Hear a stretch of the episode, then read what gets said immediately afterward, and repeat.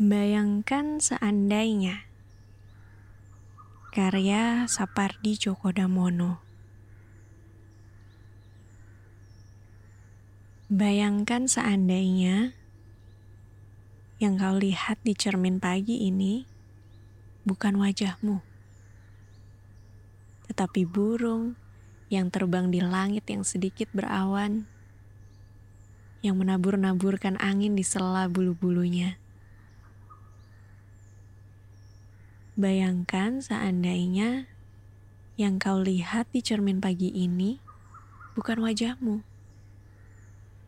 tetapi awan yang menyaksikan burung itu menukik ke atas kota kita dan mengibas-ngibaskan asap pabrik dari bulu-bulunya.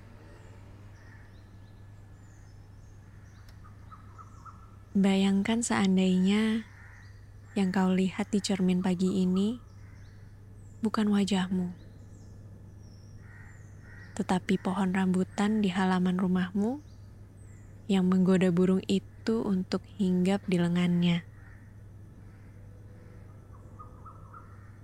Bayangkan seandainya yang kau lihat di cermin pagi ini wajahmu sendiri.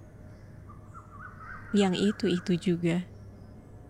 Yang tak kunjung habis meski telah kau kupas dengan ganas selembar demi selembar setiap hari.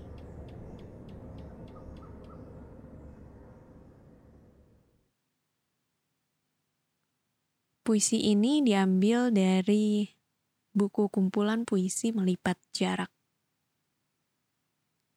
Refleksi sebetulnya hal klise yang sangat sering kita dengar, sampai Saking seringnya, kadang kita lupa bahwa itu penting untuk dilakukan di setiap musim kehidupan kita. Di saat kita sedang di atas, supaya kita tidak sombong.